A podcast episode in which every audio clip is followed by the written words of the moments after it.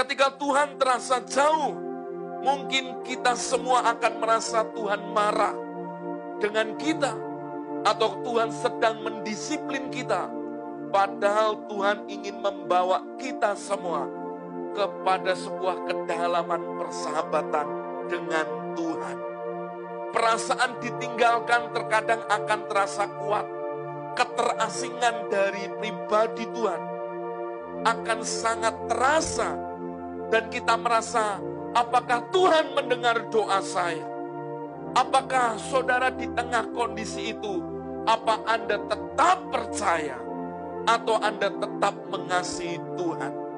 Saudara, walaupun Tuhan sepertinya tidak kita tidak merasakan dia, tapi sesungguhnya Tuhan ada di sana.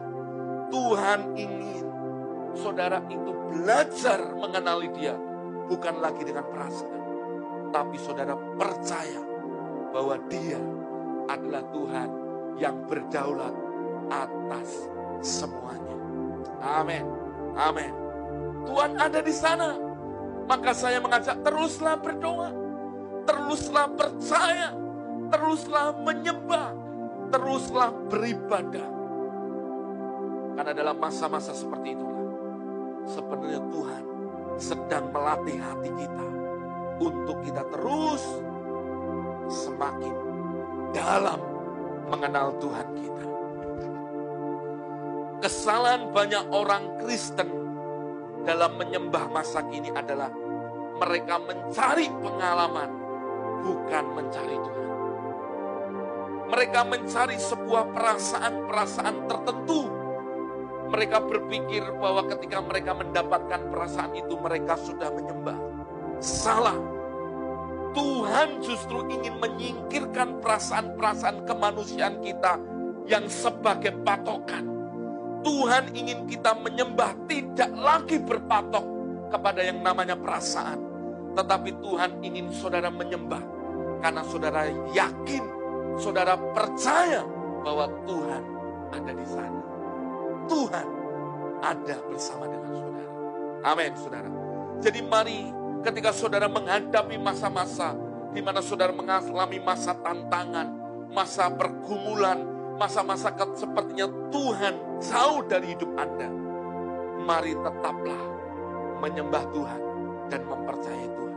Ada Tuhan di sana dan Tuhan yang menyatakan kuasanya dalam hidup saudara. Maka saudara apa yang saudara harus lakukan ketika dalam masa-masa seperti itu? Saudara yang pertama, curahkanlah isi hatimu kepada Tuhan. Apa yang Anda rasakan kepada Tuhan. Ayub 7 ayat yang ke-11. Mari kita buka Ayub 7 ayat yang ke-11. Di dalam Ayub 7 ayat yang ke-11 dikatakan, oleh sebab itu aku pun tidak akan menahan mulutku. Aku akan berbicara dalam kesesakan jiwaku mengeluh dalam kepedihan hatiku.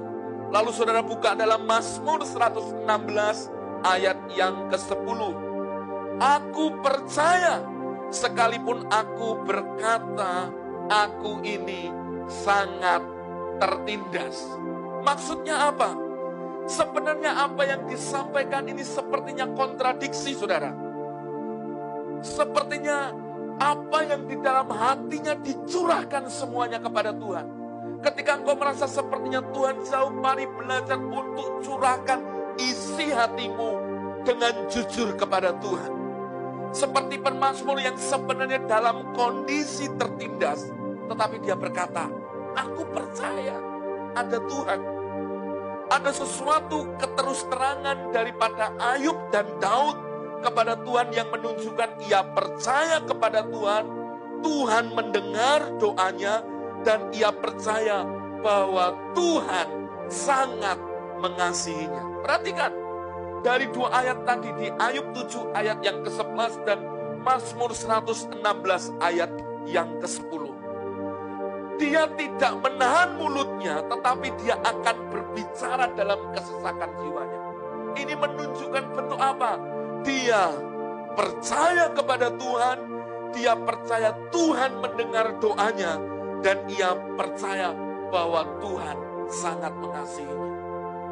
Daud juga berkata, aku percaya sekalipun aku ini sangat tertindas. Berarti Daud mengalami kesesakan. Tapi justru dia utarakan hatinya kepada Tuhan. Sebagai bentuk apa? Aku percaya kepada Tuhan. Aku percaya Tuhan mendengar doa saya. Dan aku percaya Tuhan sangat mengasihi kita. Mari berkata dengan saya. Saudara, ketika engkau hari ini dalam masa-masa kesesakan, mari berkata, Aku percaya kepada Tuhan. Aku percaya Tuhan mendengar doa saya. Dan aku percaya Tuhan sangat mengasihi saya. Tuliskan itu di live comment. Saudara ini menjadi bentuk sebuah imanmu ketika justru engkau mencurahkan hatimu kepada Tuhan. Amin. Amin saudara. Hari-hari ini ada banyak orang yang hari ini sepertinya dia malu ketika dia harus mengutarakan isi hatinya kepada Tuhan. Mari curahkan isi hatimu kepada Tuhan. Itu menjadi sebuah bentuk imanmu juga kepada Tuhan. Saudara, curahkanlah isi hati Anda kepada Tuhan. Keluarkan itu semua. Percayai Tuhan. Karena Tuhan yang berdaulat dalam hidup setiap kita. Amin, saudara. Jadi saudara ketika engkau merasa Tuhan jauh, mari curahkan semuanya kepada Tuhan. Ya saudara, ada masa-masa ketika saya menyembah Tuhan, saya seperti nggak merasakan manifestasi kehadirannya. Tapi bukan berarti Tuhan meninggalkan saya. Justru saya semakin percaya dan saya mendeklarasikan iman saya. Seperti Ayub berkata, aku tidak menahan mulutku untuk tetap berkata-kata, menyembah Tuhan, datang kepada Tuhan dalam kesesakan jiwa. Hari ini ada banyak orang ketika mengalami kesesakan, justru dia berpikir Tuhan sedang menimpakan yang buruk kepadanya. Tidak, saudara. Tuhan mau kita semakin mempercayai pribadinya. Kita percaya bahwa Tuhan mendengar doamu. Justru Tuhan ingin saudara percaya bahwa Tuhan sangat mengasihi hidupmu. Maka itu yang saudara harus taruh dalam hidupmu. Yang kedua, di dalam masa ketika saudara mengalami yang namanya seperti Tuhan terasa jauh, mari pusatkan perhatian saudara kepada siapa sebenarnya Tuhan itu dan sifatnya yang tidak pernah berubah. Maksudnya gimana Pak? Saudara, Tuhan tidak pernah berubah. Amin. Tuhan tidak pernah meninggalkan kita. Tuhan setia dalam janjinya. Jadi saudara, waktu saudara engkau menyadarkan fokus kepada pribadinya, engkau fokus kepada bahwa Tuhan sangat baik, dia maha baik, dia maha kuasa, dia maha di atas segalanya.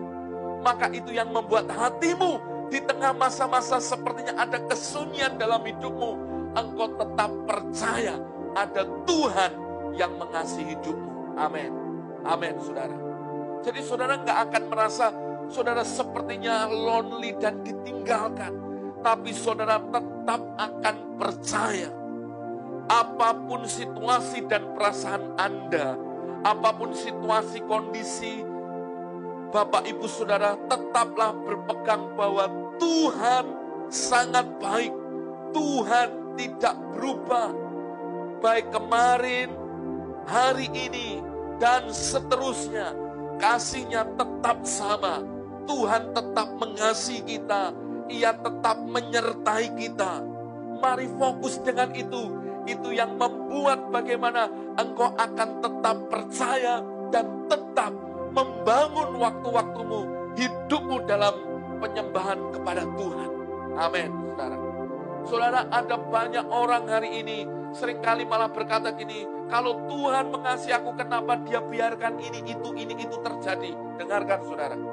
Saudara, Tuhan itu melakukan, Allah turut bekerja untuk mendatangkan kebaikan bagi mereka yang mengasihi dia. Tanpa saudara lihat Tuhan ada di sana bersama dengan saudara. Cuma sering kali kita itu berpatokan pada perasaan kita.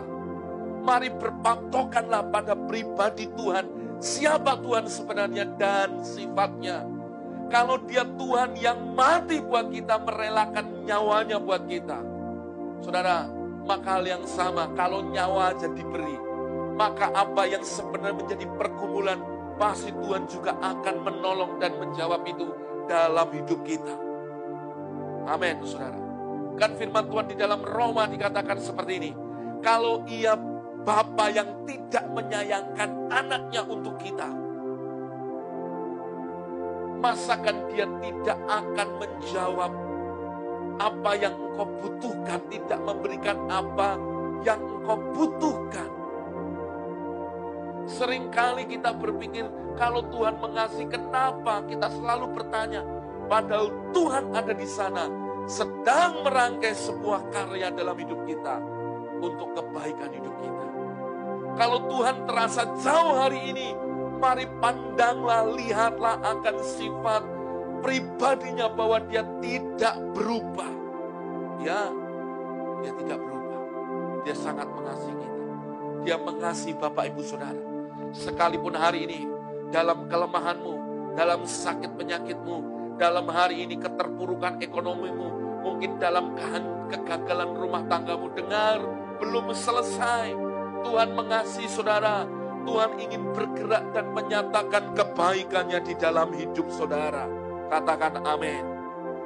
Saudara, jangan ragu ketika saudara ada dalam kegelapan tentang apa yang Tuhan beritakan kepada Anda di dalam terang. Perhatikan, jangan ragu dalam kegelapan tentang apa yang Tuhan beritakan kepada Anda di dalam terang.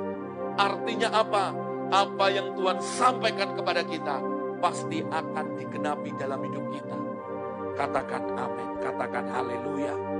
Saudara, ketika engkau merasa Tuhan jauh, apa yang saudara harus lakukan? Percaya bahwa Tuhan menepati janjinya. Yang ketiga, Tuhan percaya bahwa Tuhan menepati janjinya.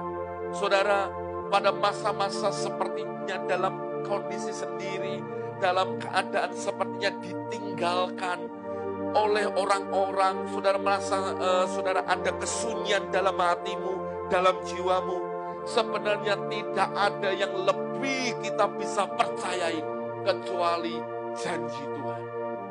Dalam masa-masa seperti itu, justru hari ini ini waktunya kita terus mendeklarasikan janjinya. Janjinya ya dan amin bagi setiap kita. Ada banyak orang yang menyerah, setelah mereka menyerah dengan apa yang dihadapinya, mereka sering kali mulai melupakan janji Tuhan. Tapi saya mengajak kita terus pegang janji Tuhan. Ada pujian berkata, selalu ku pegang janjimu, ku percayakan firmanmu, tanpa ku melihat tanganmu yang berlubang paku. Hidupku Tuhan, pasti kau pulihkan. Maksudnya apa? Sekalipun mungkin kita ada dalam kesunyian, kesendirian, kita nggak lihat tangan yang berlubang paku, kita nggak melihat apa yang bilur-bilur Yesus ketika dia disiksa. Tapi yang harus kita percaya, pegang janji Tuhan. Di masa-masa sepertinya kita mengalami kekeringan, kesunyian, masa dingin itu, ketika Tuhan sepertinya jauh dari hidup kita. Saudara pegang janji Tuhan. Karena hanya janji Tuhan yang akan membuat kita tetap akan mengalami semua yang dijanjikan itu terjadi. Keadaan tidak dapat mengubah karakter Tuhan. Anugerah Tuhan masih berlaku dan Tuhan berpihak kepada Anda. Tetap pegang janji Tuhan dalam keadaan